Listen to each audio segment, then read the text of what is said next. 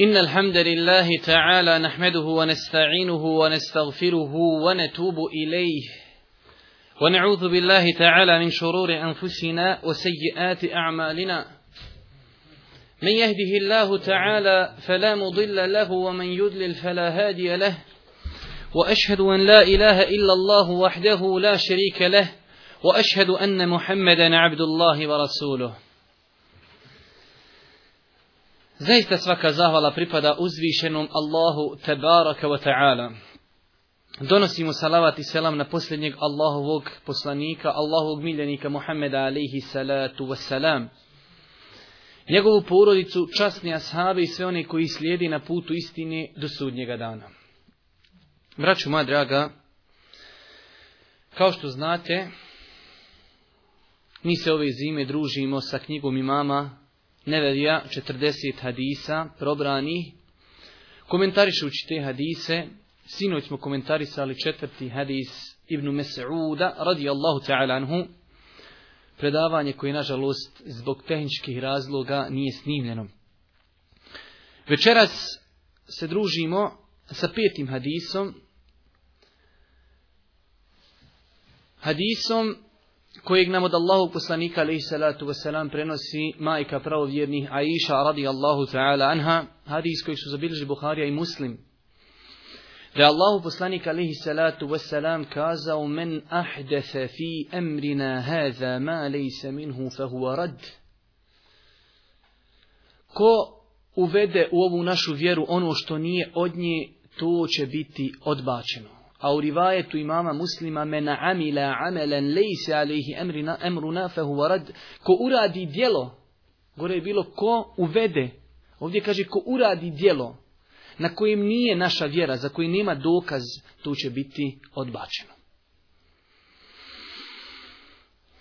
Kazali smo da ćemo svaki puta kada od sadisa, bude neka nova ličnosti osoba, govoriti kratko o njemu. Sinoć smo govorili o Abdullahu ibn Mes'udu, velikom alimu, učenjaku, pobožnjaku. Kratko, večeras ćemo samo nekoliko hadisa spomenuti o vrijednosti a, iše radi Allahu ta'ala Kada Aisha radi Allahu ta'ala ne bi imala druge vrijednosti, osim Što je Allahu poslanik jasno kazao da je to njemu najdraža osoba na Dunjaluku, to bi bilo više nego dovoljno. Jer zamislite danas da neko vama kaže neka ugledna ličnost predsjednik države, načelnik ili bilo ko javno da kaže ja volim tog i tog. Kako bi to bio njemu velik ponos? A zamislite kakav je velik ponos i čast da za Aishu radi ta'ala anha najodabrani Allahu rob koji ikada u zemljom kaže to mi najdraža osoba. Znači, pored toga nema više, braćo moja draga, vrijednosti. U hadisu kojeg je imam Buharija i Muslim od Abdullah ibn Amra, da je došao Abdullah ibn Amr poslaniku i kaže Allahu poslaniće, koga najviše voliš? Kaže Aishu. A kaže od ljudi, muškaraca, kaže Ebuha, njenog oca. a ko nakon toga Ebu Bekr, kaže nakon toga Omer. Najdraža osoba Aisha od muškaraca je najdraža osoba Ebu Bekr, a nakon toga Omer. Nako, opaske radi, a mi ćemo ako Bog da, ako samo nas Allah poživi i završimo ili ovaj ciklus predavanja, posvijetiti malo više pažnje govoru o jednoj zalutaloj i zabludjeloj sekti koja se zove Rafidije ili Šije, koji povrh toga što postoje tako jasni argumenti, i dalje su u dalaletu i zabludi do te mjere da i dan danas smatraju da je Aisha radijallahu anha počinila blud, a da su Ebu Bekr i Omer dva najveća taguta cijelog čovječanstva i da će biti na dnu džehennema. I tako da o tome treba govoriti, pošto svakim danom sve više je potrebi da se govori o akidi vjerovanju te zalutale sekte. Također od argumenata koji ukazuju na vrijednost Aiše jeste i hadis koji je zabilježio Buharija i Muslim od Ebu Musa Lešarija da je Allah poslanik kazao mnogo je muškaraca koji su u ovo životu postigli savršenstvo, potpunost, kemule. Kemal je u arapskom nešto potpuno. A kaže od džina izuzetno malo. Pa je spomenu u ovom hadisu Allahu poslanik Merjemu, čirku Imranovu, Asiju, ženu Faraonovu, i onda kaže na kraju hadisa, a vrijednost Aiše u odnosu na ostale žene svijeta je kao vrijednost potkriži. Kod njih je znači potkriža jelo, popara, kako god hoćete, Znači to je neki, hajde kažemo nešto najbolje. On kaže vrijednost a iši u odnosu na druge žene kao vrijednost potkriže i popari u odnosu na ostala jela. Također do argumenata koji ukazuju na vrijednost a Aiše jeste i to da je Allah poslanik kazao u vjerodostojnom hadisu kaže, a iša, zar nisi zadovoljna da ti budeš moja supruga i na Dunjalku i na Ahiretu? Pa je rekla, jesam. Kaže, ti si moja supruga i na Dunjalku i na Ahiretu. Do te mjere tolika je njena bila vrijednost da je Džibril alaihi salatu wasalam po mišljenju velikog broja učenjaka najcijenjeniji melek kod Allaha Đelešanu maksuz poselamio preko poslanika alaihi salatu wasalam išu, radijallahu ta'ala anha. I na kraju mnoge su izjave ashaba koji potvrđuju, kao štinoć što smo spomenuli, izjavu Huzeife na kolikom mjestu je bio Abdullah ibn Mes'ud, večera spominjemo izjavu Ebu Musa el radi Allahu ta'ranu koji svjedoči za Išu pa kaže Nikada se nije desilo da mi ashabi Allahog poslanika zapnimo kod nekog hadisa i ne znamo ga i pa, pa odemo upitati Išu da nam ona nije kaže dala odgovor. Pogledaj, a nju pitaju. I kaže, kad god smo je pitali, uvijek nam je dala odgovor. Znači, uopće poznato je da je Iša bila izuzetno, izuzetno učena žena. Čak možda u historiji čovečanstva nije zapamćeno da je bila žena učenija pravnica od Aiše radijallahu te Ovaj hadis, braćo moja draga, vidjeli ste kako je kratak. A sjetite se kada smo govorili prvi ders tih 40 hadisa imama Nevevija, da je on pokušao da tu objedini hadise je zgrovite, kratke, ali sa mnogo poruka. Zato kaže Allahu poslanik tu džavami al kelim ja sam dobio jezgrovitost u govoru. Malo nešto rekni kratko, vidjet ćete hadisa, imamo pred nama sada hadisi. Hadis samo kaže tu billahi thumma istaqim. Reci vjerujemo Allah, zatim ustraji. To je hadis kratak, ali njegove pouke i poruke su mnogi. Ili la tagdab, ne ljuti se, kratko, jasno. Ovaj hadis isto je kratak, ali nosi, nosi mnogo toga sa sobom.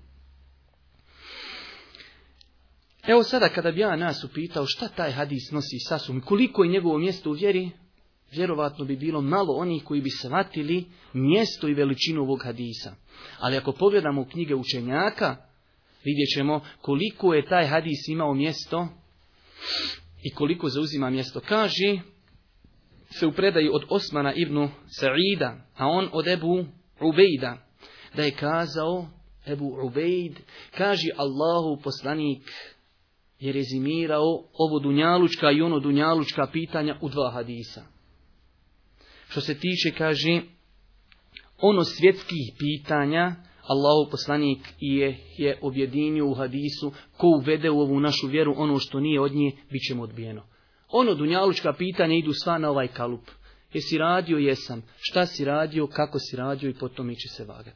A kaže što se tiče ovo dunjalučkih pitanja, ona se regulišu po hadisu innemel a'malu bin nijad, zaista se djela vrednuju po namjerama. I kaže sva vjera se svodi u ta dva hadisa. Zato su neki učenjaci kazali ovaj hadis je pola vjeri. Ovaj hadis je pola vjeri. Kaže Imam Ahmed, vi znate koji je bio Imam Ahmed, poznati pravnik, poznati muhaddis, poznati učenjak, poznati pobožnjak, pobožni, poznat po svojoj skromnosti. On kaže, čitava vjera se može rezimirati u tri hadisa.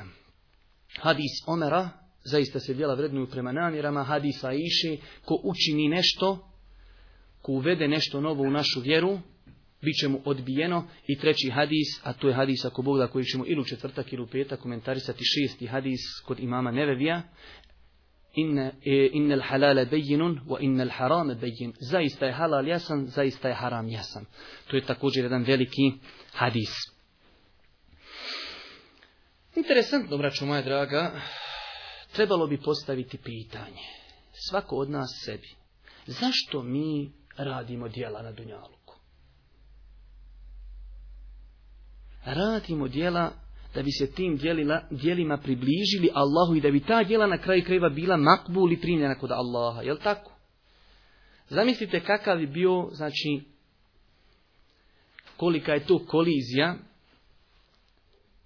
da neko radi nešto, a upitno je da li će to biti primljeno kod Allaha subhanahu wa ta'ala. Znači naš cilj jeste da svako naše djelo koje činimo pokušamo uraditi na najpotpuniji način kako bi bilo primljeno kod Allaha subhanahu wa ta'ala.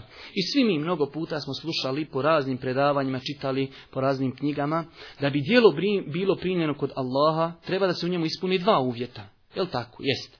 Da bude iskreno, da učinjeno bude u ime Allaha, da tim dijelom želiš samo Allahovo zadovoljstvo. I mi smo o tome govorili u prva tri predavanja, komentarišući hadis, zaista se djela vrednuju prema namjerama. Drugi uvjet da to djelo bude u skladu sa praksom Allahovog poslanika, alihi salatu I bilo koji od ova dva uvjeta da se ne ispuni djelo nije primljeno. Prvi primjer, čovjek uradi djelo iskreno radi Allaha, ali nije u skladu sa praksom. Otpada. Drugi uradi djelo u skladu, u skladu sa praksom poslanika, ali nije iskreno radi Allaha. Otpada. Šta je to? Licemjerstvo. Licemjeri radi djela ali nije iskreno ime Allaha. Znači da bi djelo bilo primljeno kod Allaha te baraka ta'ala moraju se ispuniti ova dva uvjeta. Vraću, moja draga muslimani, ljudi koji vjeruju u Allaha, koji se nadaju polaganju računa na sudnjem danu, trebali bi minimalno da poznaju svoju vjeru. Minimalne osnove. Prva stvar trebaju da znaju šta su izvori njihove vjeri. Tu je minimalna stvar da čovjek zna šta je izvod njegove vjeri. Dalje ne može, braću moja draga. Čovjek ako ne poznaje odakle se crpi njegova vjera, taj čovjek je srušio sve temelje. Prva stvar da znaš temelje svoje vjeri. Odakle mi možemo crpiti vjeru. Muslimani trebaju da shvati da nije najjači dokaz u vjeri ovako su radili naši preci. Izvori naše vjere su Kur'an i sunnet.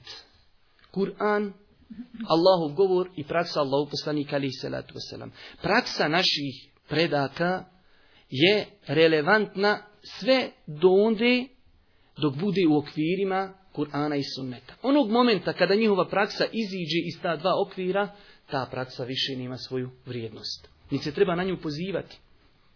I mi smo svjesni koliko su naši predaci imali i pozitivnosti, hvala Allahu, ali tako isto i negativnosti. I ljudi trebaju da shvati, a o tome ćemo malo na kraju govoriti, ako dođe slučajnu koliziju praksa naših predaka sa jednim od ova dva izvora, ne smiju uopšte da bude upitno. Mora se dati prednost Kur'anu i sunnetu nad govoru bilo kojeg predaka, bilo kojeg učenjaka, bilo kojeg velikana. Također u stvari koje bi trebao da poznaje minimalno svaki čovjek jeste, braćo moja draga, dvije velike osnove i o njima smo malo govorili, a večeras ćemo govoriti malo opširni. I vjerujte, evo ja imam, neki znaju, neki ne znaju, u Kabuli, imam tu neku internet stranicu gdje mnogo ljudi svakodnevno postavljaju pitanja. Vjerujte, bez imalo pretjerivanja, 60 do 70% odgovora na pitanja koja ljudi postavljaju vezuje se na ovo pravilo. Osnova u ibadetima je tu, a osnova u običajima je tu. Tu je osnovno pravilo koje mora da poznaje svaki vjernik. Šta je osnova u našem životu, u ibadetima, šta je osnova u našim običajima? Kaže poznat islamski učenjak, znači Arap, inače govorio sam vam da bi neke stvari bile lakše za naučiti, spjevaju stihove o određenim stvarima kako bi ljudi mogli zapamtiti. Pa jedan ših je napisao knjigu, stihove u kojoj govori o velikim islamskim principima, pa kaže u jednom وَأَصْلُ فِي عَدَاتِنَا الْإِبَاحَةُ حَتَى يَجِئُ سَارِفُ الْإِبَاحَ وَلَيْسَ مَشْرُوعًا مِنَ الْأُمُورِ غَيْرَ الَّذِي فِي شَرْعِنَا مَذْكُورِ Pogledaj kako to fino sve ide rimu jese i ti to naučiš i 10 godina, 20, 50, nikad ne možeš zaboraviti. Naučiš te stihove. Prvi od tih stihova kaže osnova u našim običajima je dozvola. Sve dok ne dođe nešto što mijenja tu dozvolu. A drugi stih kaže, osnova u našem ibadetu je zabrana, sve dok ne dođe nešto što će onaj izuzeti tu zabranu. Normalno, ovakav govor velikom broju vas je nejasan dok se ne pojasni, a mi ćemo ga Bog da i pojasniti. Prvo da to argumentujemo. Kazali smo osnova u običajima.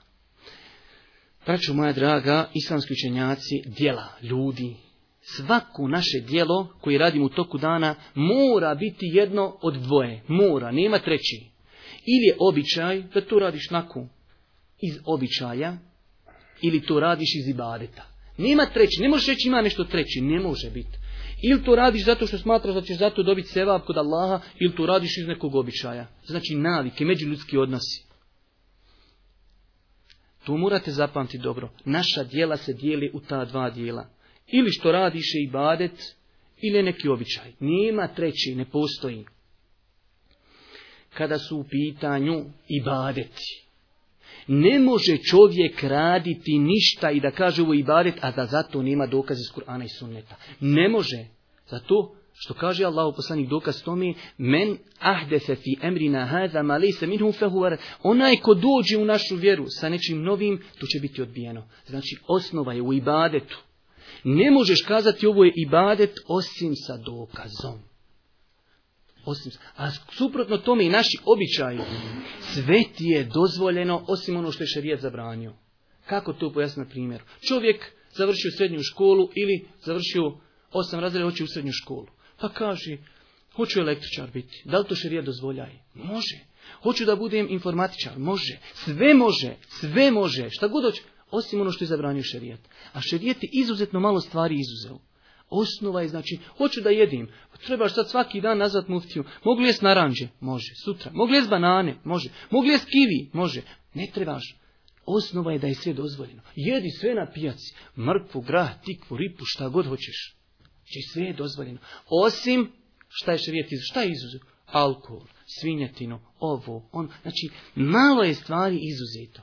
I tu možeš naći šta hoćeš, osim onoga što je širijet zabranio. A u ibadetima suprotno potpuno. Sve što smatraš da je ibadet i kontaž da imaš zato sevap, moraš se postaviti pitanje. Je to radio poslanik, ima li to Nema muđava rat. A ovamo u životu svakodnevnom Hoćeš biti zidar, hoćeš biti tesar, hoćeš jest, nećeš jest, hoćeš vaku, hoćeš, hoćeš nositi ovo, hoćeš nositi ono. Nosi sve šta hoćeš, osim šta je vjera izuzela. Znači tu je, braćo moja draga, vjerujte, kada bi ljudi, vjernici, mu'mini znali ovo pravilo, vjerujte da bi se razrahatili u svom svakodnevnom životu. E, ovdje dolazimo do jednog interesantnog momenta. I volio bi, ako Bog da, i nadam se da ćete me potpuno ispravno shvatiti. Mi smo o prvom uvjetu da djelo budu iskreno radi Allaha govorili u prvom hadisu. I e sada dolazi onaj drugi uvjet, kažemo da bi djelo bilo primljeno kod Allaha. A mi hoćemo da bude primljeno, ono mora biti u skladu sa praksom poslanika. To, braću moja draga, obuhvata šest stvari. Pazite dobro. Ovo možda, ubijeđen sam skoro, da niko od vas nije do sada nikada slušao. Ako i jest, da ga Allah nagradi nek ponovi. Praksa Allahu poslanika se ogleda kroz šest stvari. I ovo mora znati svaki vjernik mu'min. I ovo su, braćo moja draga, formula. Ovo nije dero ništa iz džepova. Ovo je sve iz knjiga od ulemi. Ovo su formule. Znate kako tamo u matemacima formula? Kako se rješava jedna nepoznata, kako se ovo... Znači, form, ovo su šerijatske formule. I samo uklapaš u životu i badete ove stvari i samo izbacite tačno, netačno, dozvoljeno, nedozvoljeno. Prva stvar, da bi stvar bila u skladu sa praksom poslanika, i salatu wasalam, mora da se poklapa sa čime? Razlogom kojeg je šerijat potvrdio. Normalno, ovakvi izrazi nama ništa ne govori, ali primjer i braću moja draga, to je ono što vjeru pojašnja i primjer razlog. Pogledajte mi kada ulazimo u džanju, Ulazak u džanju je razlog da čovjek klanja dva rekiata, jel tako? I klanjaš dva rekiata tahijetul mešćida. Šta mislite, dođe čovjek i kaže, ja kad god uđem u svoju kuću, kad god uđem, ja smatram da je moj ulazak u kuću razlog da klanjam dva rekiata. Neispravno. Nema smetnje uđi u kuću svaki dan i klanja dva rekiata. Ali nemoj klanjati s ubjeđenjem da kad god uđeš u kuću postoji razlog da klanjaš dva rekiata. I dvojica ljudi uđu u kuću i klanjaju po dva rekiata. Jedan klanja duha namaz, a drugi kaže ja sam uvjeđenja da kad god uđem u kuću trebam klanjati koju džamiju. Kod jednog će biti primljeno, kod jednog neće. A ovo dvojica jedan do drugog klanjaju. Razlika u namjerama. Druga stvar, vrsta. Da bi djelo bilo primljeno i da bi bilo u skladu sa praksom poslanika, treba da se podudari sa onim što je ograničio šerijat u vrsti. Primjera radi, opet. Hoće čovjek da zakolje kurban.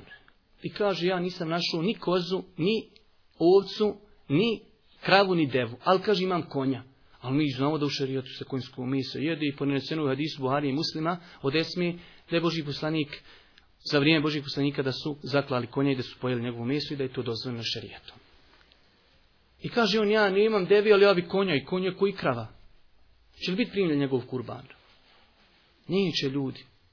Allah Đelešanu nam u Kur'anu naređuje i govori da treba da kurban bude od vrste stoke. A stoka u arapskom je deva, krava, koza i ovca. Mimo to i doje čovjek kaže, ja nemam to, nemam čurku, veća nego nečija krava i nečija ovca. Ne može čurka. Žao nam je. Kaže, imam ja kokošinjac sto koka bi ja mjesto jedne ovci zaklon. Nijam ovci. Ne može. Ne troši se. Znači vrsta, vrsta badeta mora da se ispuni. Ili, evo sada moramo, znači večeras ćemo se mi morati dotaknuti mnogi neki stvari na terenu.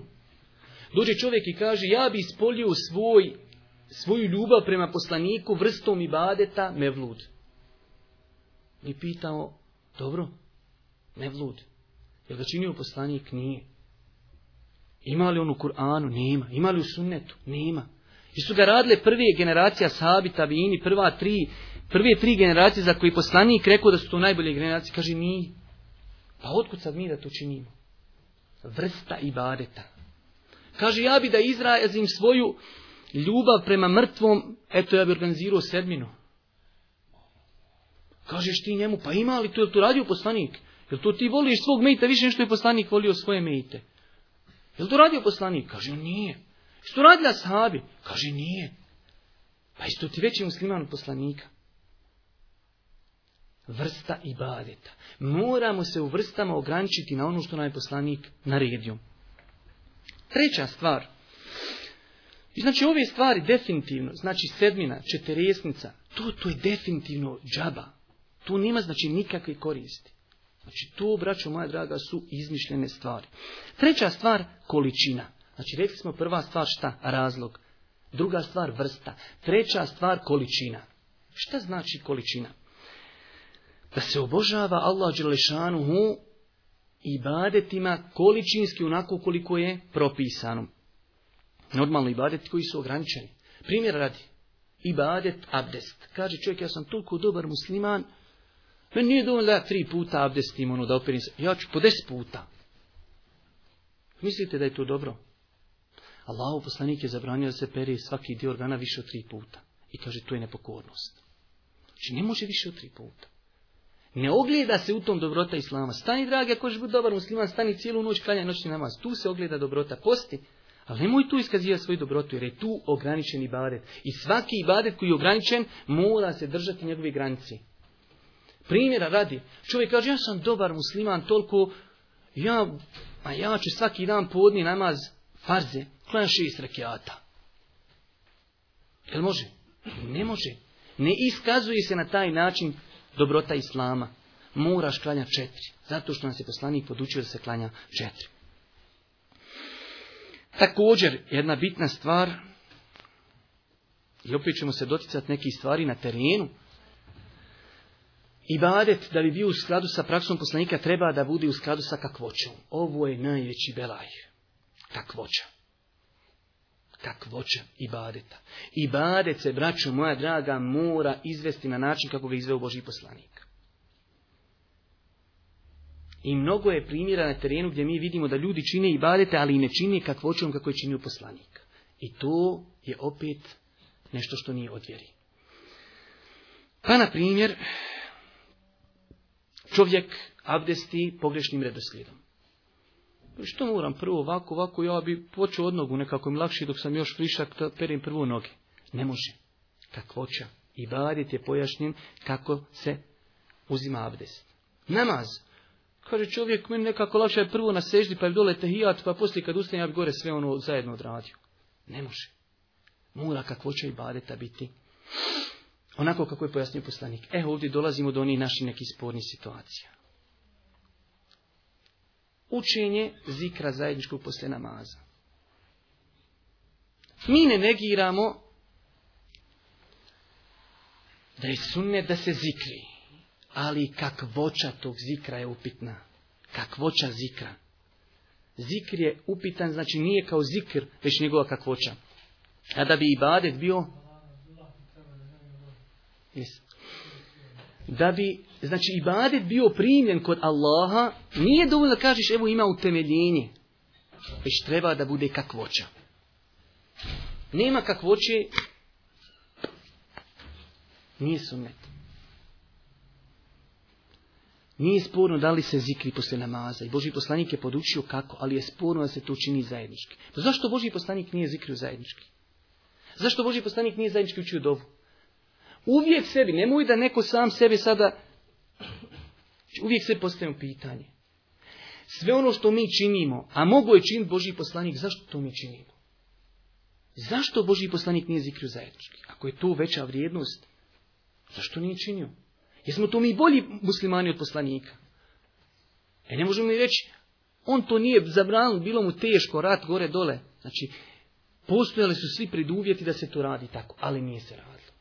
Znači da bi ibadet bio primljen kod Allaha, nije dovoljno samo da ima podlogu šerijetu, već kakvoća. Kao tamo i vrsta. Isto, ovo su sve isti temelji.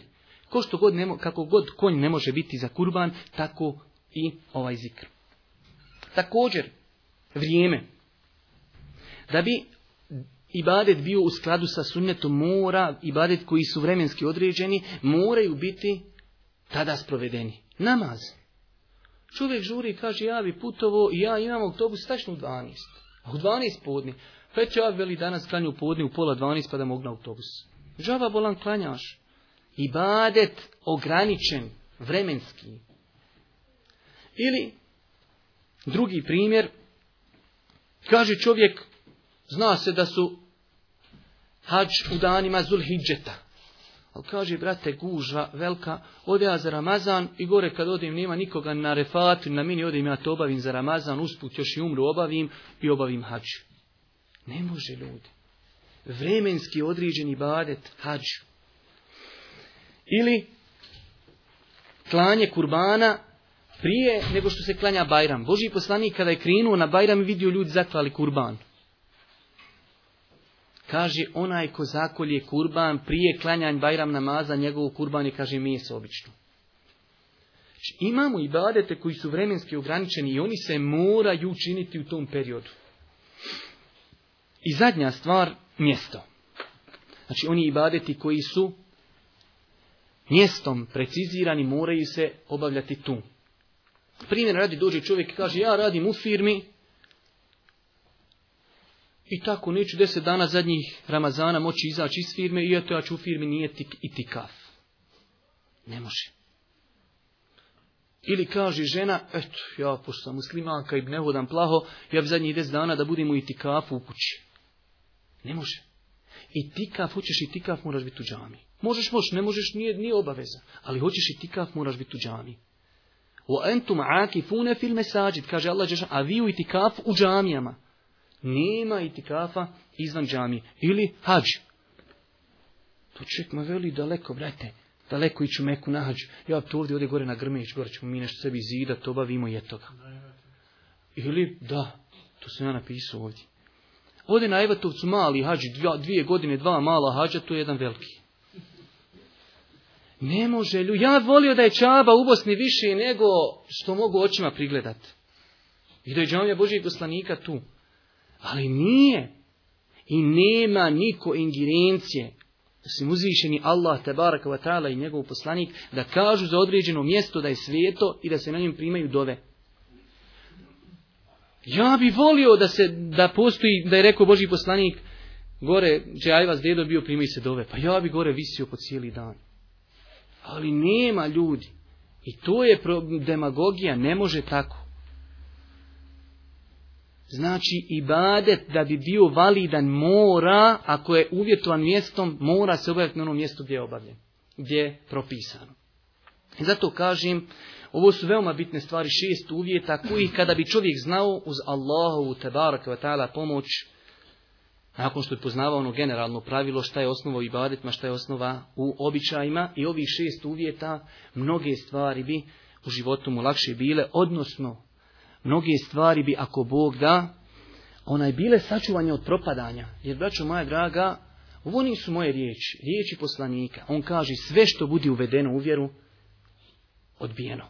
Džaba radiš, džaba radiš. Ti nije, za mene je smiješno da neko nešto džaba radi. je danas čovjek i cijeli dan cipa drva. Džaba. Ljuzme čovjek nako krampu i cijeli dan kopa. Kaže ti kopaš fundament a nije koji nako lupam kaznom. I opet sutra lupa. I preko strope. Kaže, što malo lupa? nako, kaže malo. Pa nemoj, bo idi bolje ti bolje, uvijek je bilo bolje džaba ležat nek džaba Nemoj, znači, čuvaj svoja djela. Kako ćeš ih čuvat? Čini onako kako je poslanik alihi salatu wasalam naredio. Zato, znači samo sad da rezimiramo. Kada su u pitanju ibadeti, imate tri stvari. Uvijek za ibadet postavite pitanje. Ako je naređen, činimo ga. Ako je zabranjen, ostavljamo ga. Ako je prešučen zabranjeno. Ne možeš ti uvesti nešto novo u vjeru. A običaj kontra, ako je naređen ili znači pohvalan, činimo. Ako je zabranjen, ne činimo, a ako je prešućen, bismila. Znači ne moraš svaki dan zvati dervu, dervo, mogli je skivi, mogli je skupus, mogli... jedi volan sve, sve jedi. E kad dođeš, mogu li šljoka? Ne može, to je izuzeto. Mogu li nekcija? Ne može, Znači to su stvari izuzete, ali je toga, braću moja draga, to je milost Allaha da je dao da nam je, zato kaže huvaledi halaka lekum ma fil ardi džemi'an. On je vama sve na zemlji stvorio. Znači sve, sve naše, osim i onda nakon toga Allah Đeršanu izuzeo nekoliko sitnica, ali je osnova sve. Ja e, imamo na kraju onaj interesantnu stvar, ja ne znam kada smo počeli, 7.15 onaj, imamo još na kraju jednu interesantnu stvar, pa ćemo vidjeti sljedeći četvrtak i petak da li ćemo nastaviti ovu tematiku, pošto nam znači dolazi 28. hadis, hadis koji opet govori o ovim stvarima, novim stvarima u vjeri, pa ćemo možda neki govor i prolongirati do tog hadisa, onaj, ako, Bog da, ako bi nas Allah poživio da dođemo do komentara 28. hadisa. A večeras ćemo samo spomenuti još jednu stvar ili dvije, ako Bog da do kraja družim. Prva stvar, braćo moja draga, spominut ćemo i ukazati kolika je opasnost novotarije. Vidjeli smo mi ovdje, kaže Allah poslanik, bit će to odbijeno. Dobro sad što će biti odbijeno manje više, ali ima li tu sasvom neku dodatnu opasnost? Ili drugim riječima rečeno, ima li nešto što se zovu lijepe novotarije? Jer imate neki ljudi dijele novotarije na loše i dobre. Da vidimo imali li to ikakvog utemeljenja u vjeri. Prva stvar da vidimo opasnost novotarija. Kaže Allah poslanik alaihi salatu wasalam hadisku izbilžima muslim. Od Džabira radijallahu ta'ala anhu kaže Džabir Allahu poslanik bi imao običaj kada počinje govor govorit. Zaista je, kaže, najbolji govor, govor Allaha. Najbolja uputa je uputa Muhammeda alihi salatu wasalam, a najgore stvari su novotarije. I pazite, pazite. Nisam rekao da su najgore stvari novotarije. Kaže, svaka novotarija je dalalet kuće ti gori nek da budiš u dalaletu. To je muslimov hadis. A kod Nesaije imama dodatak ima toga sa vjerodostojnim lancem prenoslaca kaže a svaki dalalet vodi u vatru. Pogledajte sad ti stepenica. Kaže Allah poslanik, najgori su stvari novotarije. Svaka novotarija vodi u zavludu, a svaka zavluda vodi u vatru. Nije to znači, sam dva koraka s najgori stvari u vjeri su, kaže novotarije. Svaka novotarija vodi u zabludu, a svaka zabluda vodi u vatru. Nema filozofije. Minimalno, znači, eto, kada bi ostali na rivajetu mama muslima, svaka novotarija vodi u dalalet. I to je, braćo moja draga, potvrđeno Allaha i potvrđeno u praksi ummeta, ne Bosni, ummeta. Potvrđeno u praksi ummeta. Normalno, ovdje, braću moja draga, imamo jednu predaju oko koje moramo malo se zaustaviti i kako bi njeno značenje pojasnili kako neke stvari nam ne bi ostale nejasne. Jer večeras moramo za ovu tematiku. Lijepe novotarije. Ima li uvjeri lijepa novotarija? Kaže Allah u poslaniku konom hadisu وَكُلُّ Svaka novotarija je zabluda. Pazite, ovaj izraz u sad vjerujte da meni trebalo vremena da vam ja govorim o načinima izražavanja, kako su islamski učenjaci pojasnili, znači šta je tu opći propis i na koji način se izražavaju opći propis. Jedan od načina da bi se izrekao opći propis jeste da se koristi riječ kullu, sve. Allah poslanik ovdje koristi, ne kaže neki, ne kaže, svaka novotarija je balalet, Svaka. Znači, to je jak argument. E sad imamo predaju imama Buharije od Omera. Kaže čovjek koji se zove Abdurrahman ibn Abdul Qari, izašao sam jedne prilike sa Omerom u Ramazanu u džamiju. Kaže, pa smo došli u džamiju, pa smo zatekli ljude, klanjaju teraviju, ali pojedinačno. Neko kaže gore učešku sam, neko klanja za njim trojca četvorca, neko dvojica i tako, kaže, rasuti ljudi. Pa Omer radi Allahu talanu kad je to vidio, kaže, ja smatram da bi ljude trebalo, kaže, okupiti, okupiti da klanjaju za jednim imamom. Ko što mi sada radimo, teravih namaz klanjamo za jednim imamom. Kaže, pa je odlučio da za imama postavi koga? Znate zašto smo sinoć rekli četvorica, a sahaba su počašćeni od strane poslanika da je rekao kirajet to četvorici. Prvi Abdullah ibn Mes'ud, a drugi Ubej ibn Ka'b. Treći Muaz ibn Džebel i četvrti sali Meula Ebu Huzeife. I on kaže, pa je po, ljude okupio na kirajetu Bej ibn Kaaba i kaže, ti ćeš ljudima klanjati taraviju. Sutra dan došao Omer, a ljudi klanji, svi se okupili lijepo i za jednim imamom. Prije na noć došao rasuto, neko gore, neko dole, tamo, vamo, čisto bijedno. I oni okupi i kaže, došao i gleda kako džemat svi zajedno klanjaju, baš jačina i kaže ni'amel bid'atu havihi zaista je kaže ovo lijepa novotarija. Pogledajte sad Omera, obećan mu džennet, poslanika je svaka novotarija u džehennem, a on kaže, e ovo je lijepa novotarija. I neki ljudi, koji nažalost time pokazuju koliko je njihovo u zagradi ne znanje, oni se čupaju za ovu predaju da je to dokaz da se može uvjeri uvoditi nešto koje je lijepo. Braćo moja draga, odgovor je više nego jednostavan. To nije novatarija. Moramo se opet vratiti na predaju koji zabilježi imam Buharija i Muslim. Kaže Aisha radijallahu ta'ala anha, ljudi su za vrijeme Božijeg poslanika, kaže, klanjali u njegovoj džami pojedinačno ili kaže, za nekim čovjekom koji malo više znao kirajta, klanjalo je po tri, četiri čovjeka. Pa je to vidio Poslanika Lehisana. Pa kaže Aisha, prostri mi se džadu kad klanjam jaciju, ja ću ljude predvoditi da klanjamo noćni namaz teraviju. Pa je, kaže, izišao Allah poslanik i klanjao ljudima. Pogledajte, pogledajte ti ashaba i njihove želje za ibadetom. Kaže, pa su tu noć ljudi klanjali teraviju i sutra dan raširila se vijest Boži poslanik klanja teraviju. Kaže, sutra dan Puna džamija. Allah poslanik opet jaci iziđe i klanja teraviju. Treći dan, kaže, izišli, kad su došli na teraviju, više nema mjesta u džamiji. Opet poslanik izišao i klanju teraviju. Pogledajte, tri noći klanja poslanik teraviju. Teraviju, je teraviju. Četvrtu noć, kaže, toliko je ljudi došlo, više nismo mogli ući u džamiju. Četvrta noć, gotovo. Hadis u Buhari u Muslimu.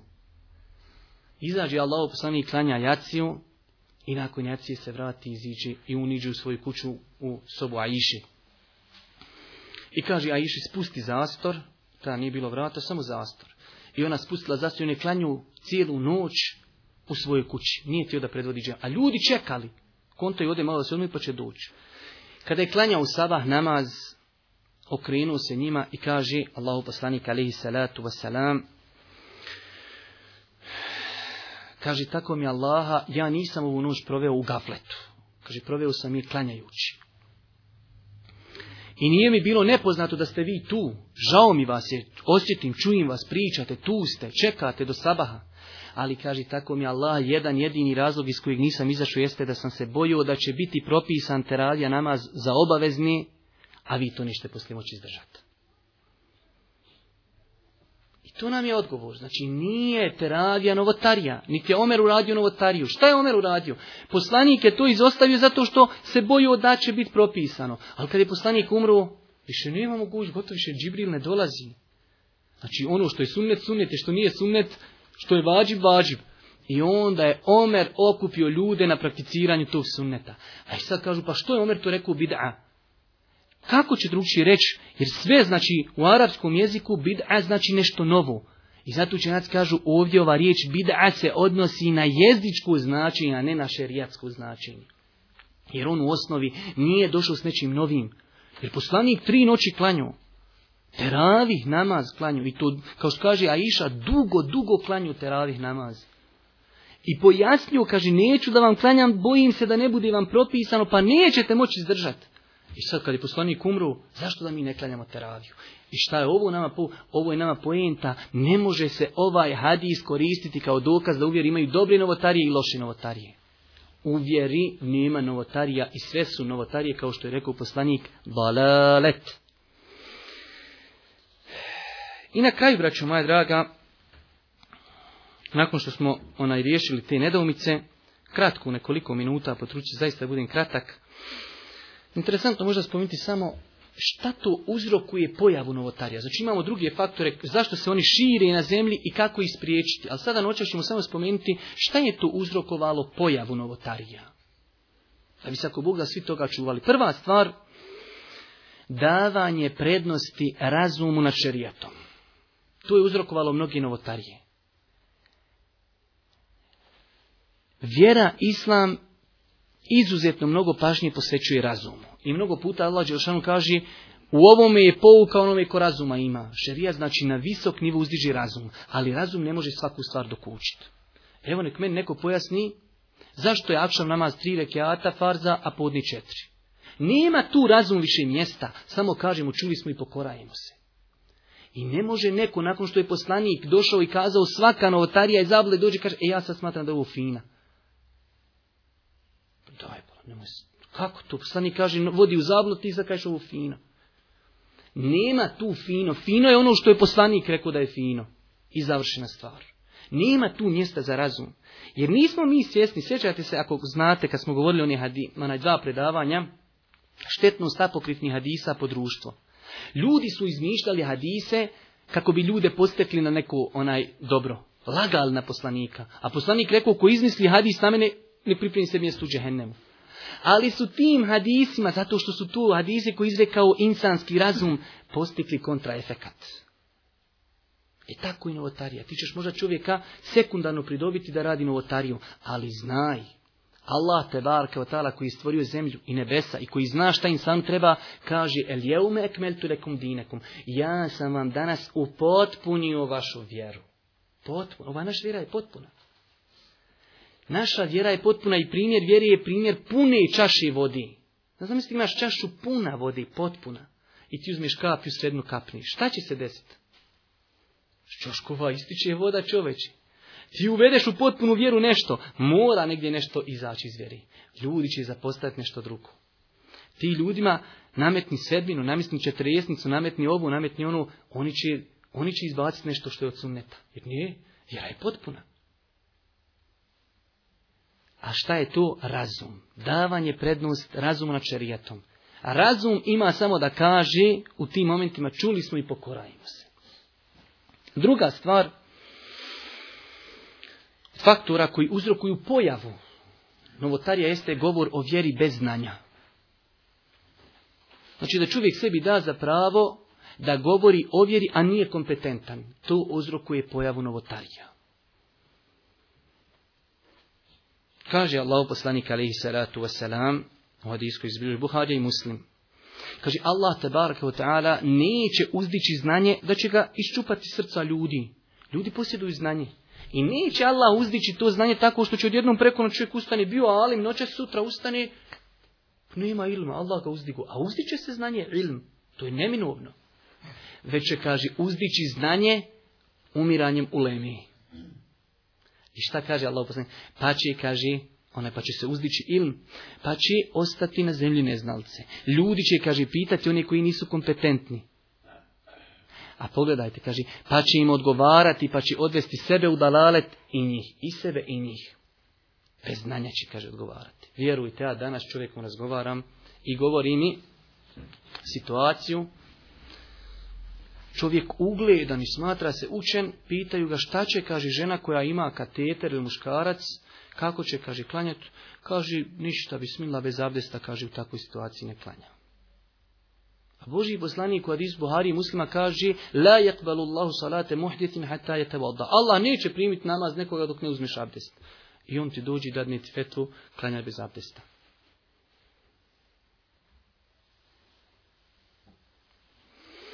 Treći razlog pojavi novotarija jeste nepoznavanje hadijske znanosti. Vjerujte, braćo moja draga, da se u ovu našu vjeru uvukao velik broj novotarija iz razloga što ljudi ne znaju razliku između vjerodostojnog i nevjerodostojnog i apokritnog hadisa. I nemamo mi normalno ovdje vremena navoditi te primjere sve, oni koji žele malo više o tome nek poslušaju na predavanja, opasnost apokrifnih i slabih hadisa po društvo. Mnogo je knjiga, na čijem čelu je knjiga u lumu, din, či znači, knjiga koja je eto prevedena na bosanski jezik i koja je, braćo moja draga, prepuna, prepuna hadisa koji se ne mogu koristiti kao šerijatski validni dokazi. I iz te knjige, znači, proizišlo je mnogo, mnogo, mnogo novotarija, kako u Bosni, tako u cijelom arapskom svijetu. I zadnja stvar, razlozi pojave novotarija jeste znači ljudi koji se bavi tumačenjem vjeri, to ne znači svi braćo moja draga, molimo da me pažljivo shvatite, jeste nepoznavanje arapskog jezika. Može uzrokovati pojavu novotarija. onaj ko hoće da se bavi ozbiljnim izučavanjem vjeri i tumačenjem vjeri ozbiljnim i da postane učenjak, braću moja draga, nemoguće, nemoguće bez arapskog jezika. I to dobro upoznavanje arapskog jezika. Čak islamski učenjaci navodi u knjigama, kada govori tamo onaj tematika, i on zaista jednu dobru veliku knjigu koja govori o razlozima nazadovanja muslimana, jedan od glavnijih razloga se navodi jeste za postavljanje izučavanja arapskog jezika.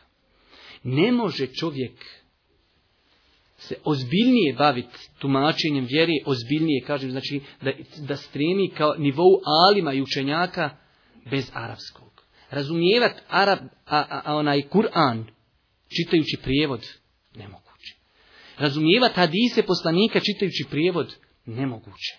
Možeš ti nakon njih shvatiti o koristice, Ali kada u pitanju propis i uzimanje propisa, moraš uzeti propis iz arapskog teksta. Kako iz kuranskog ajeta, tako iz hadisa Allahu poslanika, alaihi salatu wasalam. Molim Allah Đelešanhu da ono što smo čuli bude dokazom za nas, a ne protiv nas. Molim ga Tebaraka wa ta'ala da nas učvesti u ovim vremenima. Molim ga Subhanahu wa ta'ala da naša djela u Kabuli.